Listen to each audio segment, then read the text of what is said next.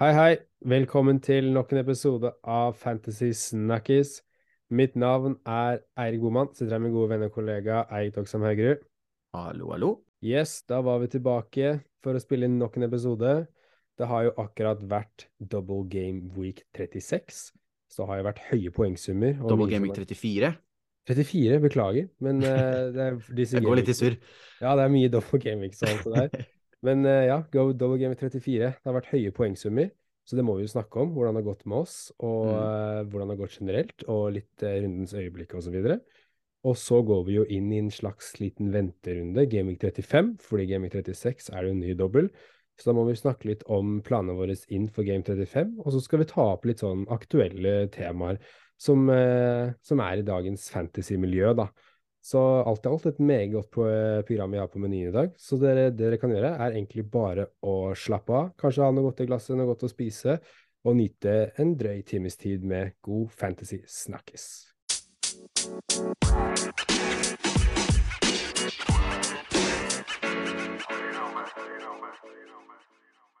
Så Doxheim, kan ikke du dra oss gjennom hvordan det har gått eh, for deg denne Double Game Week 34? Det kan jeg, vet du. Eh, som du nevner, så har det vært høye poengsummer. Eh, Mm. Jeg kan jo si at den holder jo fortsatt på. Det spilles jo inn en kamp akkurat nå mens vi spiller inn. Siste kampen, Man United-Brighton. så sånn som det står nå, så er jeg på 91 poeng, faktisk. Og ser ut til å, å, å få rød pil med 91 poeng pluss Ja. til Kommer an på hva som skjer med de spillerne mine som spiller, da, men det sier jo litt om hvor høy poengsummer det har vært denne runden. Averagen før denne kampen i dag lå på 73, eh, som er enormt, enormt høy. Og det å få rød pil på nærmere 100 poeng, det er jo egentlig ganske, ganske sykt. Eh, jeg går og henter inn Rashford og Ruben Diaz faktisk denne runden. Jeg snakka jo om om det skulle bli to City eller én United og én uh, City, og jeg var litt for redd for pepperuletten til å kjøre to av de, så jeg valgte en safere Rashford og så Dia, som jeg mente var det sikreste kortet uh, bak der, da. Uh, traff eh, på, på de kjøpene, egentlig. Diaz får med seg åtte poeng. Han får én clean shit av de to kampene. Eh, ellers i forsvar så var det ikke helt stort. Raja blanker, får med seg to poeng. Trippier blanker, får med seg to poeng. Estupinan har gjort det veldig bra, egentlig. Han hadde clean Mm. sheet og assist i første kampen, og spiller nå, da, så der kan det jo fort bli noe mer. Ja. På midtbanen så ble jo jeg offer for at både Mitoma og Mc, uh, McAllister de starter jo på benken i den 6-0-kampen mot Wolverhampton, så jeg føler at jeg missa ut på veldig mye målpoeng poeng, eh, jeg kunne fått der. Eh, veldig irriterende. De har jo begge starta og spiller nå mot Manny, da, så håper de kan få med seg noe der. Rashford han får med seg en assist eh, i første kampen mot Villa, så syv poeng på han så langt. Spiller jo også da, som sagt, nå. Martinelli også starter på benken og får bare med seg 31 minutter mot Chelsea, eh, som er irriterende. Eh, for jeg føler at det, der var det Hadde det vært sjanser for han å få, få noen målpoeng, men sånn er det dessverre. Ja. Salah derimot, han gjør det veldig bra for meg. Han får med seg mål i begge kampene sine, og får også med seg bonuspoeng, tre bonuspoeng i den siste kampen mot Liverpool, nei, mot eh, Fulham. Så 18 poeng på han, veldig, veldig happy med det. Og så i angrep så har jeg truffet mye bedre. Der har jeg Tony på sju poeng, som får med, seg, eh, får med seg mål. Og jeg valgte jo, det sto jo mellom hvem som skulle spille av han og Watkins, og velger da å gå med Tony, og treffer på det, så veldig happy med det. Og så har vi jo godeste Haaland, som jeg var tilbake på kaptein på etter at jeg gikk på en, en relativt stor smell med å ikke gjøre det forrige uke. Eh, det må jeg bare, bare si. Og han får jo med seg rekordskåringen sin, og bryter eh, mest eh, mål i en eh, Premier League-sesong, som er helt utrolig. Og ender på 32 poeng som kaptein, da, så veldig happy med, veldig happy med den. Men jeg mister ca. 10 000 plasser eh, igjen, og begynner å nærme meg nå Nå er jeg rundt topp 80 000, så jeg har jo falt veldig fra Var jo oppe i 30 for ikke så lenge siden, så det, det er eh, tett oppi der, altså. Ja, det er det. Eh, jeg også lider litt av samme problem, at akkurat skrivende stund så har jeg 99 poeng. Det er jo fordi McAllister og Stupinan spiller nå. Mm. Så før det så hadde jeg jo eh, 97 poeng, som egentlig er veldig bra, bra rank, men likevel. Rød pil, utrolig nok. uh, men det er rød pil med sånn 1000 plasser, da. Men likevel, jeg blir litt sånn Men er det, er det mulig? Jeg ligger jo 220 000 plass i verden. Kan det umulig være så høye summer rundt der? Uh, men det er tydeligvis mange som spiller i disse de rangeringene også, og tar det seriøst. Mm. Uh, men uh, ja, før runden så tok jeg minus fire igjen. Jeg solgte Kane og Saka for Sala og Solanke. Uh, Riktignok benka Solanke. Eh, jeg skulle egentlig ha en Isak inn der, men eh, jeg hadde ikke råd. Det var prisendringer på Saka og Isak som gjorde at jeg ble prisa ut av det byttet. Eh, men jeg er fornøyd med at jeg selger en Saka for Sala. Det er jo 16 poeng forskjell, Eh, så det er ganske, ganske deilig. Og så benker jeg jo Solanke selv om han får åtte poeng, da, eh, som Mm. sagt. Så det er jo litt sånn Jeg kunne spilt han istedenfor eh, for March McAllister, Tony til og med. Jeg fikk jo ett poeng mindre enn Solanke, da. Men det er litt sånn, ja det, Jeg veit ikke. Dobbel gameweek for March McAllister eh, er litt mer fristende. Samme Grealish Ja. Og Rashford eh, og Tony. Det var litt mer fristende fordi en, en single gameweek Solanke. Eh, men nå har Raja i mål. Eh, Estupinan har jeg også. Trippier og Trent fikk jo 11 poeng med seg eh, fra den double gameweeken. Veldig fornøyd med han. Han har jo vært eh, rett og slett helt fantastisk i en ny rolle. Eh, og han ser ekstremt farlig ut når de spiller kamper. Han ser alltid ut som han skal få en assist eller, eller noe sånt. Så han fikk faktisk med seg en clean shit denne gangen. Det var jo litt ikke verst, bare det. Eh, og så midtbanen er det Grealish. Han også kunne jo hatt haugevis av mer målpoeng de to kampene. Mot Ja. Fulham. Han hadde vanvittig redning alene og skulle hatt en assist til, så han kunne fått en goal assist fra den kampen. Fikk han med seg en assist mot Westham og kunne fått en scoring der òg, så du, Jeg er fornøyd at han endte opp med syv, men jeg var litt sånn, han kunne hatt mye mer poeng uh, fra de to gameweeksa. Uh, Stikk så har jo jeg March uh, på benka i dag. Klarte utrolig nok ikke å få med seg målpoeng fra 5-0. Eh, 6-0 til og med. Ja. Uh, McAllister Sala og Tony og Haaland, jeg også, da. og Så har jeg jo en uh, Botman på benken som klarte å dra med seg en assist, da. Jeg kunne jo spilt han istedenfor Trippier, men det er sånn, man kan ikke ta høyde for det. Det, er, eh, det får jeg ikke gjort noe med, rett og slett. Uh, så alt i alt, jeg håper jo Jeg kommer jo over 100 poeng bare Estupinan og McAllister fullfører den kampen her med to poeng hver, så kommer jeg over 100 poeng, og det er jo gøy.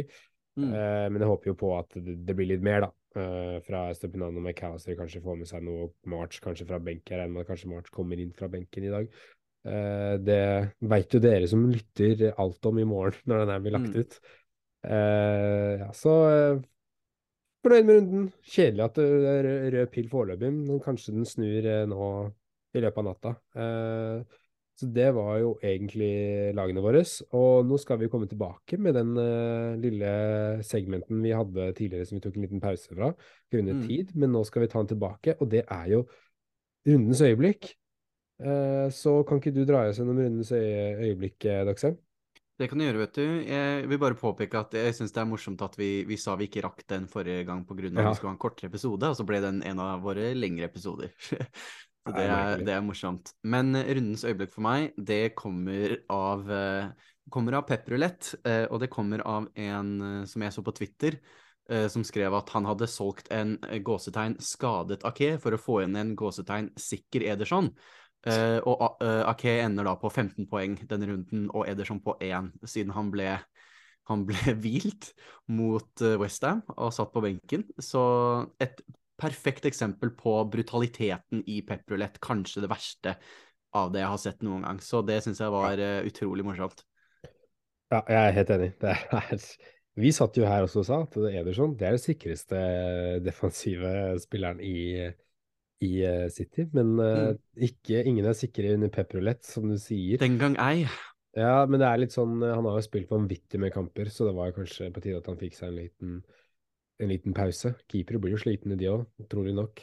Til og med Ja, men han har jo også Det var noen som skrev også at uh, er han sliten på alle de redningene han tar? For han er jo kjent for å um, Han slipper jo Han redder ikke så mye. Mm. City har veldig bra forsvar. Sånn, men han stopper ikke så mange skudd, egentlig. Eller sånn. Han er veldig god med beina, da, som er grunnen til at de bruker den. Ja, jeg er helt enig i det. Uh, det som jeg valgte som mitt øyeblikk, er den 6-0-seieren til Brighton. Og Mm. da spesifikt disse Brighton-spillerne som March, McAllister og Mitoma, som har vært så heftig diskutert eh, om hvem man skal ha, hvem man skal eie. Eh, og jeg syns det er veldig morsomt, ikke så morsomt for meg som eier March, men at du sitter og ser på Brighton bøtte inn mål, og så først er du veldig glad for at å, Mitoma og McAllister benka, jeg sitter med March, da kan jeg diffe fra de som har disse, i hvert fall Mitoma, da. For jeg føler at det er veldig sånn enten March eller Mitoma. Ja. Eh, og så er man egentlig veldig fornøyd. Og så klarer Brighton å skåre fem mål eh, før March går av. Og det som er veldig typisk, er jo at March går av etter 55 minutter i den, i den 6-0-seieren, som betyr at han ikke får med seg clean shit-poenget eller 60 minutter spilt-poenget. Mm. Jeg syns bare det er uh, litt av en sånn uh, rollercoaster. Selve den kampen kunne jo også vært rundens øyeblikk, for det var en helt vill kamp med Welbeck med to skåringer. Det er sånn, hallo, når det var sist vi så det? uh, så det er ja, Jeg syns det var bare var et sånt fint øyeblikk. Og i hvert fall når Mutoma kommer inn der, og så er det sånn Mitoma ender opp med like mye poeng som March, og March starta den kampen og leda. De hadde skåret fem mål. Eh, likevel så fikk eh, Mitoma Martin like mye poeng. Det syns jeg er litt vanvittig, rett og slett. Det er ganske sykt, egentlig. Ja. Eh, men sånn er nå fantasy-verden. Eh, Mm. og jeg tror nok March egentlig var mest fornøyd med at Brighton vant. Ja, Eh, så da får vi som er eier han uh, sutre over at han ikke fikk noe fantasypoeng. Eh, men sånn er det. Det var eh, starten av podkasten. Nå tenker jeg vi kan hoppe inn i hoveddelen vår, hvis det er greit for deg. Det er det, vet du. Vi hopper rett inn. Yes,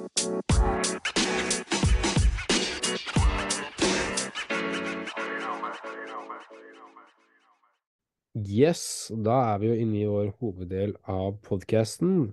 Og da skal vi snakke litt om våre transferplaner inn i Gaming 35. Så Doxem, hva planlegger du å gjøre? Yes. um, sitter nå med ett free transfer. Um, det er jo noen, fortsatt noen double gaming som kommer, så jeg peiler meg egentlig litt inn på spillere fra de lagene som har double games igjen, og, og ser om det er noen interessante der. Eh, grunnet Dias eh, transfer mitt forrige runde, så eier jeg jo to City-spillere nå. Og City syns jeg det er jo det laget som spiller kanskje best nå, så jeg tenker liksom sånn det er jo egentlig på papiret ganske smart å kjøre tre City. Mm. Men med tanke på Ederson-rulleringen så blir jeg bare enda mer skremt av den pep-ruletten. Jeg sitter jo nå med, med Dia, som sagt, som jeg føler nå må være det sikreste. Men kan Ederson bli hvilt, så blir, kan han også fort bli hvilt. Eh, så derfor lurer jeg på om det er eh, verdt å investere i tre City. Um, har sett litt på noen differ, sånn som eventuelt en uh, Julian Alvarez, da, som spiller nå så lenge De Bruyne er ute. Men jeg tror han kommer tilbake. Det var snakk på at de håpa han var tilbake snart. Uh, så da kan jo hende han blir faset litt inn igjen. Mm. Um, ellers så ser jeg også at Foden begynner å nærme seg litt tilbake, som kan være litt eh, skremmende for uh, å kjøpe en Grealish. Så grunnet det så har jeg sett meg litt mer mot Newcastle, som har Isak og Wilson på topp der, som er ganske naturlig valg. Um, så hvis, det, hvis en av de skal inn, som vi skal snakke om litt senere, så blir det jo et spørsmål om hvem av Tony og Watkins da, som skal beholdes, Ja. og hvem som skal ut for eventuelt denne Newcastle-spissen.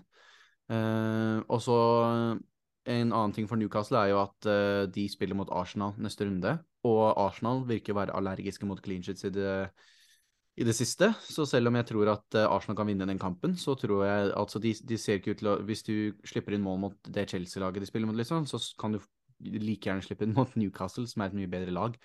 Eh, så jeg tror faktisk at det kan være mål der. eh, Ja, og det er jo et virkelig tøft, tøft sted å komme og spille fotball på St. James' Park. Det har jo ikke de Mm. tapt uh, siden Liverpool, tror jeg. De spilte der. Så, og Arsenal har jo ikke godminner fra fjorårssesongen der. Nei, så jeg tror at det, blir, det kan bli en del mål i den kampen, tror jeg. Jeg tror det blir en veldig bra fotballkamp. Jeg gleder meg Ja. til å se. Det, den blir bra. Mm. Nei, det høres ut som du har, uh, har litt sånn innpå samme tankegang som meg, egentlig. Mm. Uh, jeg også har et transfer, er litt sånn Hva skal man gjøre, egentlig? Uh, og det er en liten venterunde før double game 36, og jeg også, der er det en dobbel, og så er det 37, som du sier. Jeg også har lyst til å få med meg så mange doblespillere som mulig. Og for den 36-en så sitter jeg nå med tre Brighton og to Newcastle. Riktignok de to Newcastle-spillerne er to defensive, og det Mm. er, de er ikke så gode defensive lenger. Uh, så jeg har egentlig lyst til å spe på med litt mer offensiv Newcastle inn mot den runden. Uh, og takk på at de også har noen greie kamper uh, etter den runden.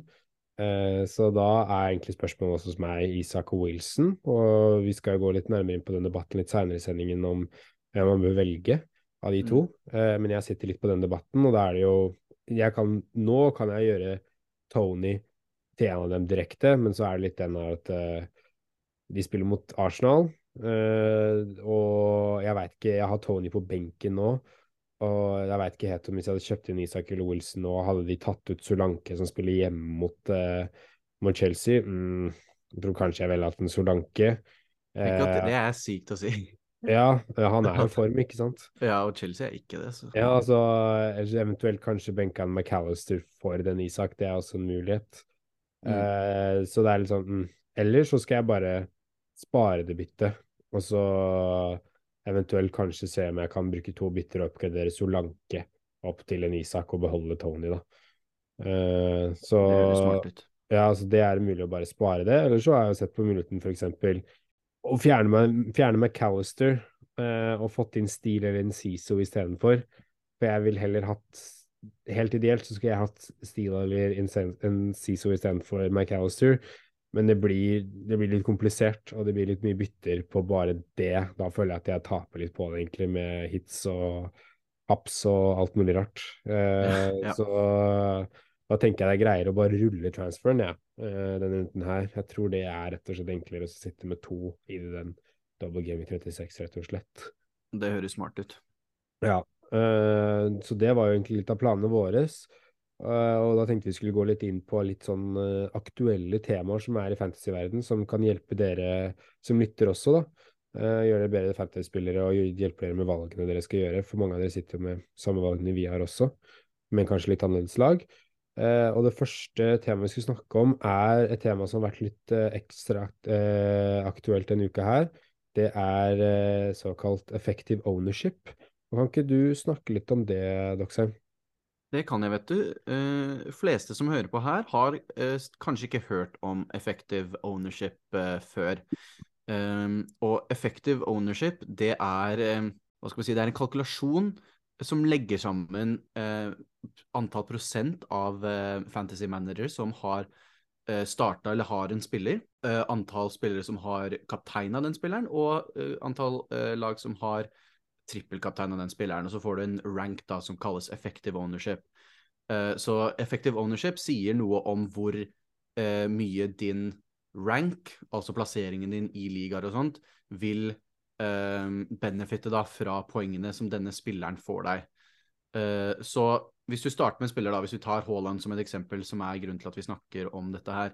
Hvis du eier Haaland og starter han, så har du en, eh, har du en ownership på 100% Hvis du kapteiner han, så går den opp til 200% og hvis du trippelkapteiner, så går den opp til 300% Så legges det sammen fra alle som starter Haaland og som kapteiner Haaland, og så får du det som kalles effective ownership.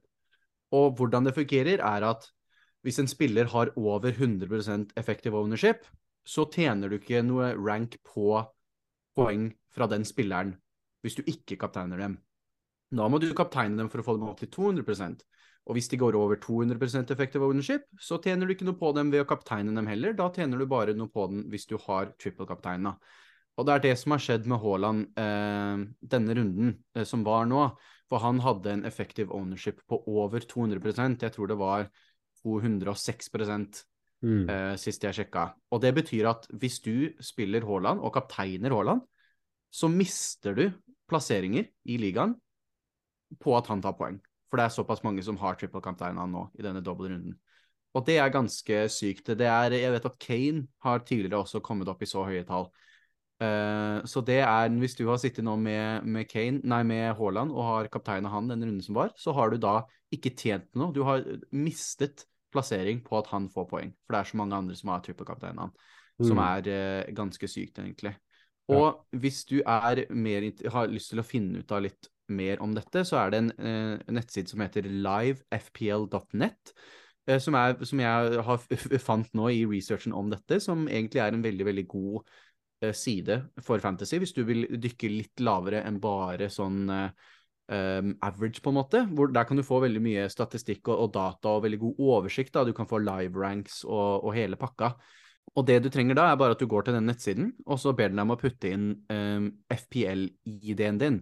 Uh, og den ID-en, uh, den finner du, for det her husker jeg første gangen jeg måtte finne det, sleit litt med å finne det, er at hvis du går inne på uh, Fantasy sine nettsider, og så går du på den fanen hvor du ser poengene dine, så i URL-en på toppen her da, så har du ja, URL-en til nettsiden, og der er det en sekvens med sju tall, som er da din ID.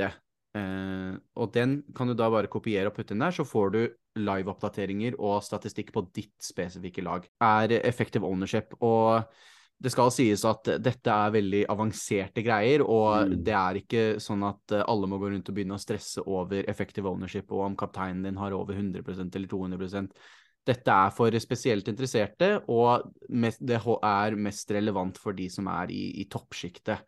Eh, I lavere uh, sjikter så, så, har det ikke så mye å si uh, uansett. Uh, men det det kan være nyttig for, er eventuelle differ, da. hvis du ser på et tall og ser at oi, her er det en som har over en, Si en Sala, da, som du ser oi, Sala har en effektiv eierandel på over 100% da kommer du til å miste poeng på han med mindre du kapteiner han, så da kan det hende at du tenker å ja, men da tar jeg kapteiner han for å få heller tjene rank på, på å ha han. Ja. Uh, så basically, hvis du, så er det, det er egentlig ikke så komplisert når du tenker på det, for det er egentlig bare sånn at jo flere som eier en spiller, jo mindre verdifulle blir de poengene. Og det gir jo mening. Jo flere ja. som har en spiller, jo flere deler på de poengene. Og du vil tjene mer på å ha en kaptein som ikke liker mange kapteiner, eller en spiller som ikke liker mange eier. Så det er det grunnleggende i det. Så. Men det var interessant med den Haaland-eksempelet nå eh, som er grunnen til at vi tar opp det her, i tilfelle det er noen som, som, skulle finne ut at dette er noe de interesserer seg for, da.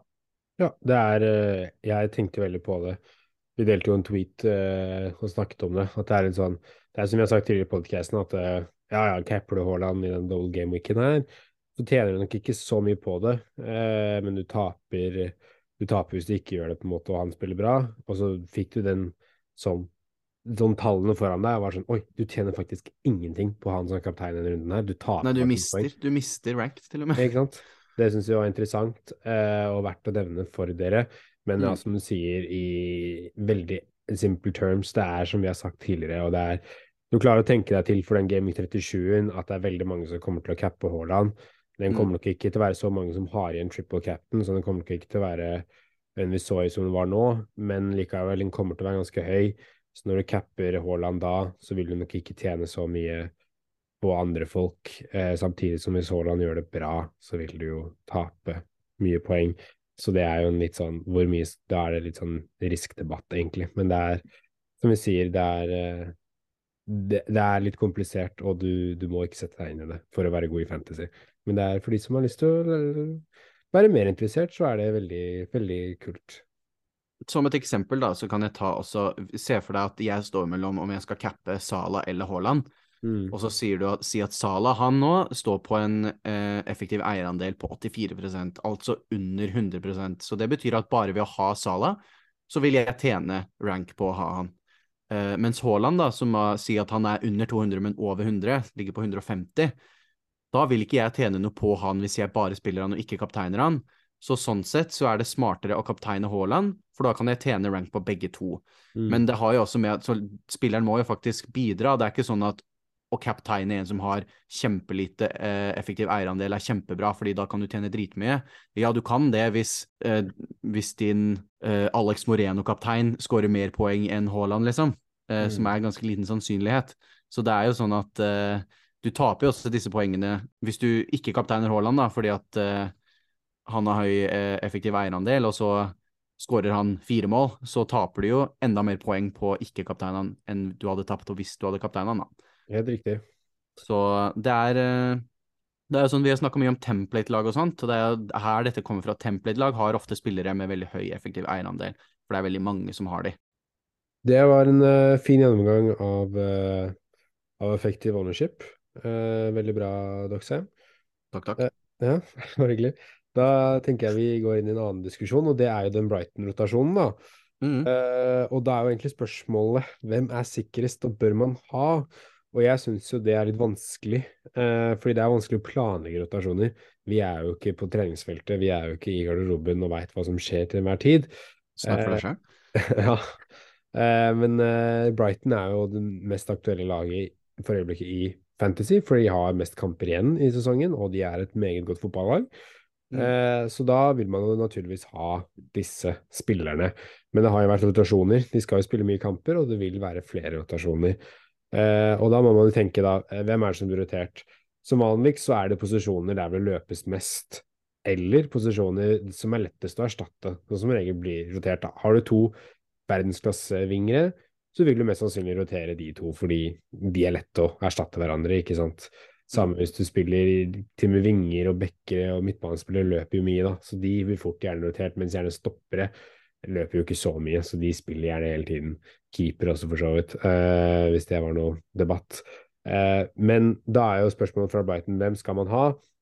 Selv om March og Metoma ble rotert nå, nå i helga og mot ManU, så er fortsatt de to de mest aktuelle på midtbanen og fra Brighton generelt, syns jeg, da.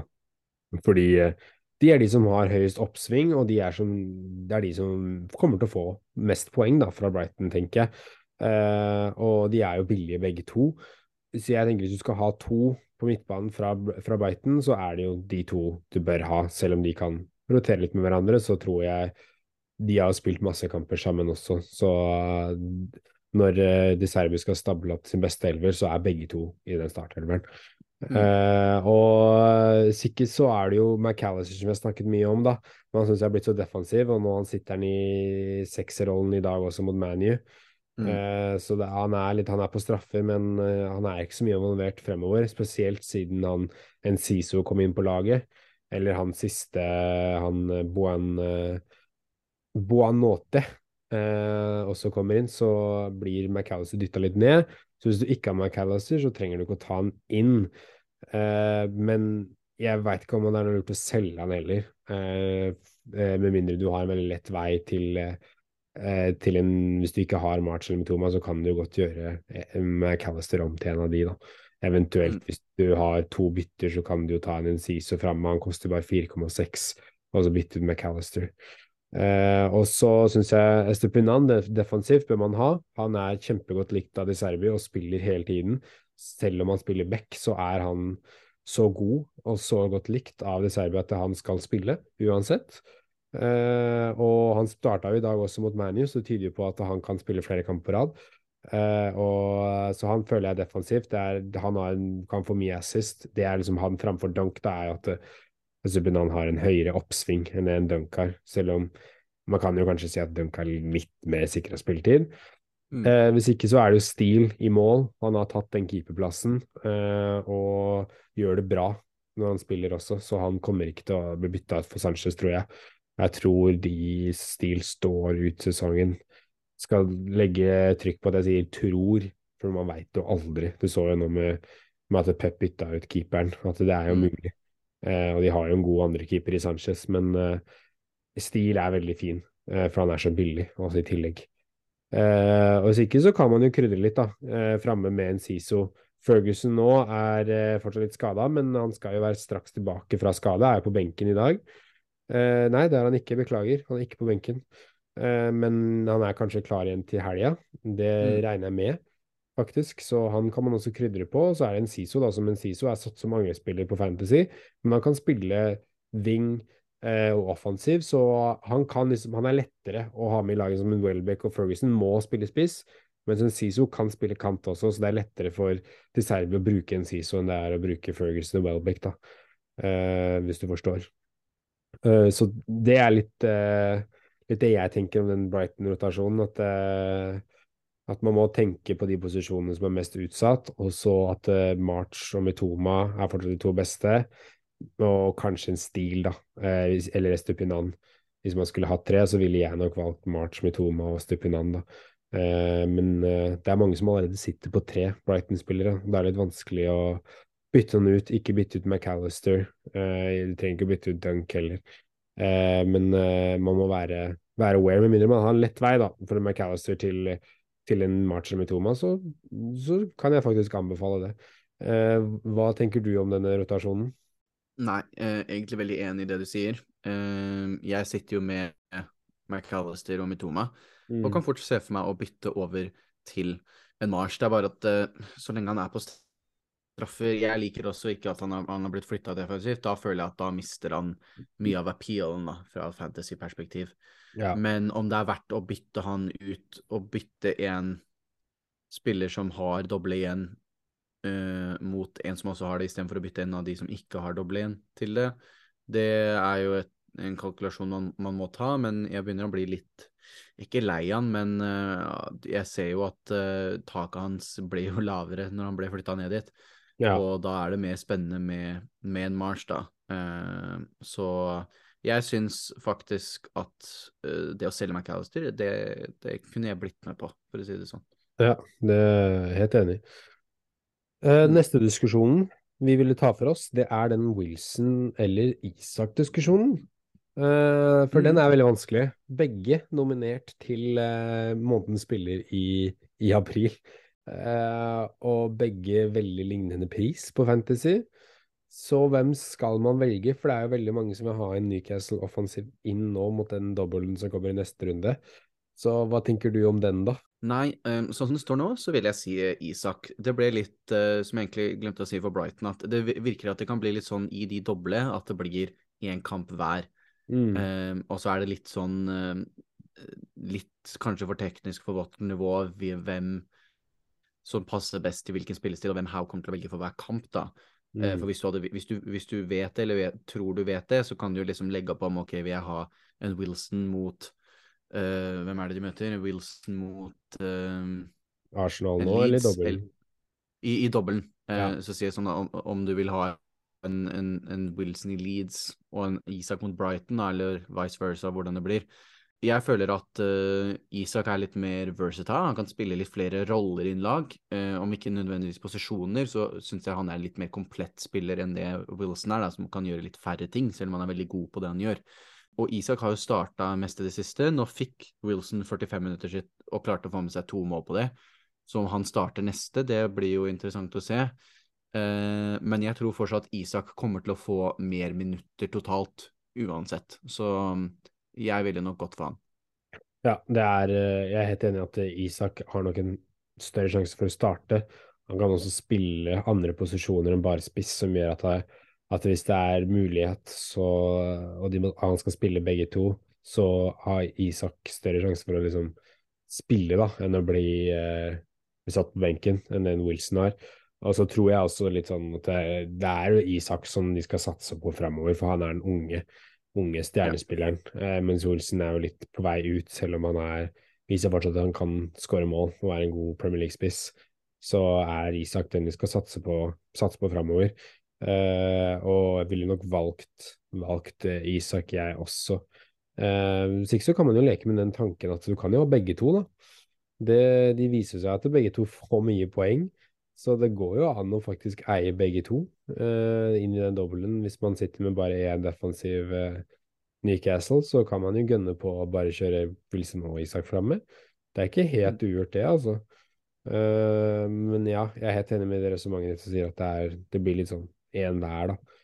Og da må man velge hvem man tror får mest, mest poeng.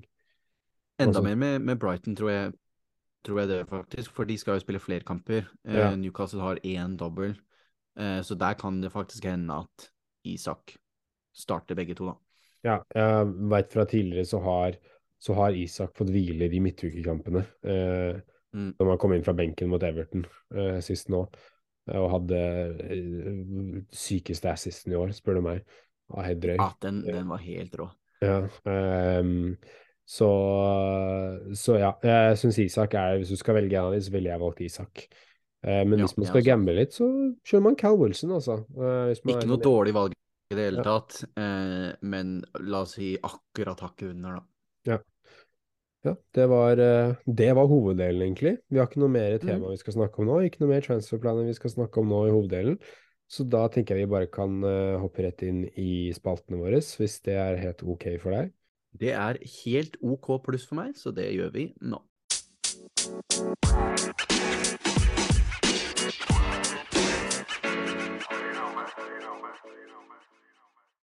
Og da er vi inne i våre faste spalter, og da starter vi med Captain my captain, som jeg har en, eh, en liten tro på at kanskje blir ganske kort og, kort og gæli i denne, denne runden. Boman, hvem har du tenkt å ha kapteinspinnet på? Må jo ha dem på, på Haaland. Han har hjemmekamp mot Mm. Så må jo liksom det. Men så, etter en diskusjon vi hadde, så er det litt lyst til å ta den på, på Sala, Men eh, det er litt sånn hvis Haaland gjør det bra, så taper jeg jo bare på det. Eh, så jeg må begynne å gamble litt snart for at jeg skal ta litt, ta litt igjen. Eh, og det er litt sånn mm, ja, Jeg får sett den på Haaland, da. Det er litt sånn jeg burde gambla, men det er jeg syns ikke Salah hjemme mot Brentford er så attraktive, fordi Brentford er et godt lag. Og så resten av de spillerne jeg har, er det ikke så mye Satt en pose Lanke hjemme mot Chelsea. Det har vært noe, det. Der Men det eh, Cajonas. Haaland er det beste kapteinsvalget i runden. der. Så enkelt er det. Ja, eh, jeg må si meg enig i det. Eh, Det eneste som taler imot, er Hadde det vært Leeds under Ja. ha- under Garcia eller eh, Jesse Mars, så hadde jeg vært eh, 100, 110% sikker. Men nå har jo Big Sam kommet tilbake til Premier League, da. Skal ta Big over. Eh, han kommer til å være mye mer eh, kynisk eh, enn eh, enn Leeds har vært eh, tidligere, tror jeg. Men jeg tror også det er litt for tidlig til at han i det hele tatt har klart å fått noe Ja. influense over det laget. Eh, og City kommer til å skåre masse mål der uansett. Når vi var inne på eh, effektiv eierandel, effective ownership, så tror jeg at eh, eneste grunn til at han var over 200% nå denne runden, var fordi det var veldig mange som hadde spart triple cap'n sin til den doble runden hvor han hadde dobbel. Og det kommer ikke til å være så mange som triple cap'n denne runden. Derfor kommer han nok til å gå under 200% men fortsatt over eh, 100% Så jeg tror at det å, å cappe han også er eh, smart på, på det punktet. Så det går nok på Haaland for meg også. Da sier vi det sånn, egentlig. Og så hopper, Yes. vi, hopper vi inn i jokerspalten vår, hvor vi velger en spiller i hvert ledd til under 10% eierandel. Så hvilken forsvarer har du valgt eh, i din jokerforsvarer, eh, Doxham? Der har jeg gått for godeste Ruben Diaz. Eh, koster 6,0 og eid av 7,5 Nå har vi snakket om eh, den skumle, skumle pepperruletten. Eh, og den, eh, den er skummel og kan komme for hvem som helst, men eh, jeg tror at han ved siden av Ederson er den tryggeste i laget. Og har starta uh, siste elleve kampene i ligaen. Han er litt uh, av det dyrere slaget, men uh, jeg tror han er det safeste valget inn i City-forsvaret, så får vi se at han blir benka nå, som jeg har sagt det. Ja. Men eh, jeg har hatt han og, og tjent på han så langt, så eh, en liten anbefaling der. Jeg gikk for uh, hans makker, holdt jeg på å si, Kyle Walker. Uh, spilt eh, mange 90 minutter på rad nå, Uh, og han kan spille både stopper og høyre back, som gjør han more likely to play. Og kan hende han blir foretrukket i ligaen nå som Champions League kommer opp, da. Så vil de kanskje Mm. kjøre en Akanji, Ake og Diaz bak der. I, uh, han var ute av laget ganske lenge, og så plutselig er han tilbake. og ble kritisert av, av, um, av Pep også, sa at han, han sliter litt med å spille den fotballen jeg vil spille. Og nå spiller han masse 90 minutter, men sammen var det jo med Rico Lewis. Han var sånn Å, Rico Lewis er så viktig for laget. Viktigste spiller nesten, sa han. Og nå har han ikke spilt på 2000 år. Så Ja. det, det er ikke lett å lese Pep. Man må bare komme Nei. seg på de togene noen ganger og håpe at uh, den treffer endestasjonen. Yes. Eh, men ja, han er, han er eid av bare 3,9% og så koster han jo bare 4,7 Så du taper ikke så mye penger hvis han blir benket. Det er ikke sånn du sitter der med en 7 eh, mil-forsvarer, du sitter der med en 4,7. Så det er ikke så krise hvis du sitter med, sitter, kommer med en benk på Kyle Walker. Det er billigere enn Estupinan, liksom. ja, så jeg føler han har en veldig, veldig fin oppsving da, med den prisen han har. Eh, og da kan du for eksempel eh, ta en Botman ut for han eh, etter DM36 da. Eh, City har jo eh, trukket, eh, trukket inn gasspedalen og har vunnet ni kamper på rad nå. Og da er det jo Walker en fin spiller å ta med seg der, da, hvis du skal ha en litt billigere City-spiller med deg. Mm. Hva med midtbane? Hvem har du valgt der? På midtbanen så har jeg gått med godeste Louis Diaz fra Liverpool. Koster Mm. 7,8, eid av 6,1 og, og jeg har tatt med han her fordi at han nå har eh, begynt å komme seg tilbake fra skade. Han, han starter kamper. eh, han får flere og flere minutter for hver kamp som går. Og vet alle hva han kan få til når han spiller. Jeg føler at du vil ha eh, Du har Sala i det angrepet der, og så kan du eventuelt ha Det er en diff på de andre, da, så er det om, om hvem av de som spiller. Eh, og nå ser det ut som det er eh, Luis Diaz, han, han får starte og, og få minutter. Og jeg føler bare at den, jo, mer han kommer tilbake nå, kommer de minuttene bare til å gå opp. Så derfor føler jeg at han er det beste valget der. Ja, definitivt. Han er jo uh, en fin joker fra Liverpool. Uh, og ja, Mm. helt enig i det du sier. Uh, på midtbane så skal jeg si eh, Son Hung-min, jeg. Han har Oh. fire, han har fire mål på de siste fem kampene. Så han har endelig fått litt form igjen. Mm. Litt den gamle Yes. sånn, sånn vi kjenner. han hadde en god kamp mot Liverpool nå sist, med scoring og assist, faktisk. Han koster 11,5, dessverre. Han er dyr. Eh, men han er da bare 6,1 eh, og Tottenham viser seg at de skårer mye mål under eh, Mason. Eh, og de har jo igjen Palace på hjemmebane, Villa på bortebane, Brentford på hjemmebane og Leeds på bortebane. Så det er egentlig veldig fine kamper ut sesongen. Eh, Mm. Så han er en fin joker å ha med seg i innspurten, og hvis man vil kvitte seg med med noe De Bruyne eller et eller annet sånt, da, så kan man jo gå ned til en sånn og ha han, han som en joker ut sesongen, rett og slett. Mm. Og da gjenstår det en posisjon, og det er angripere. Så jeg kan kjøre på med min angriper. Eh, Yes. Det er Danny Welbeck fra Brighton. Nevnte jo han litt tidligere i podkasten. Eh, han hadde en monsterkamp eh, nå sist. Eh, det blir før Manu, da, mot Warhampton. Eh, og starter jo nå mot Manu i dag også. Eh, koster bare 6,5 og eid av kun 1,4 og han kan godt uh, fylle opp den Brighton-spotten spotten din og være en uh, god joker, rett og slett, inn i de eh, to siste double game-weekene de har. Eneste med han er når Ferguson kommer tilbake, hvor sikker den spilletiden hans er. Men så lenge han spiller, så syns jeg han er god shot. Ja, han er jo en joker, så Mm. om man skal ta ham på laget, det får man gjøre selv. Han er en, det valget selv, men en, en joker. Definitivt. På angrepsplassen min så har jeg satt godeste Dominic Solanke. Han kommer tilbake, han har funnet seg inn i denne spalten på, ved flere anledninger. Eh, koster 5,6, eid av 4 eh, Og han er med rett og slett fordi at eh, det er nesten skremmende å si det, men hjemme mot Chelsea er en ganske god kamp nå. I hvert fall for Bournemouth, som har vært i, i kjempeform. Um, og Solanke har virkelig um, Han har aldri vært så god som det her i fantasy-messig. Han har sin livssesong på det, på det planet, i hvert fall. Og ja, eh, som sagt, Bournemouth har vært gode. Chelsea har vært eh, det motsatte av gode. Eh, direkte motsatte, virkelig. Eh, og til den prisen han har, så tror jeg det kan være en god. Eh, som sagt, som vi alltid sier, han er billig nok til å han kan være en tredjespiss som du ikke trenger å spille hele tiden, men som kan komme når de har eh, gode kamper. Mm. Eh, og det er ikke så mye bra oppe i, i angrepsposisjonene, for det er veldig få, et lite antall spillere som er eid av veldig mange. Så til under 10% er dette noe av det bedre du kan få tak i. Ja, det, det var veldig bra. Eh, Mm. Da er vi jo inne i vår siste spalte for dagen, eh, og den kan jo du dra oss gjennom hvis du vil. Yes, det er alles favoritt Eirik mot Eirik, vår lille mikroliga hvor vi hver runde har et tema. Eh, vi velger en spiller ut fra det temaet, og så går de i en head-to-head-liga hvor vi teller opp poengsummene. Forrige runde så var det en nedrykksstrid hvor vi hadde da eh, spillere fra de tre lagene som lå på nedrykksplass uh, når vi spilte inn. Det var da Everton, Southampton og Nottingham Forest. Jeg tror ikke det endra seg så mye uansett. Der endte jeg med å gå med James Ward-Prowse uh, fra Southampton, og Boman gikk med eh, Er det Morgan Gibbs White han heter? Gibbs White, i hvert Mhm. fall, fra Nottingham Forest. Uh, der traff jo du. Sju poeng på han. Han dro vel med seg et mål, gjorde han ikke det? Jo, han er jo i god form for tiden, da. Han var veldig god form, og Ward Prowse var ikke det. Han fikk med seg ett poeng. Så da er vi oppe i en totalsum på eh, jeg på 86 poeng og Boman på 72 poeng, så han tar meg igjen nå.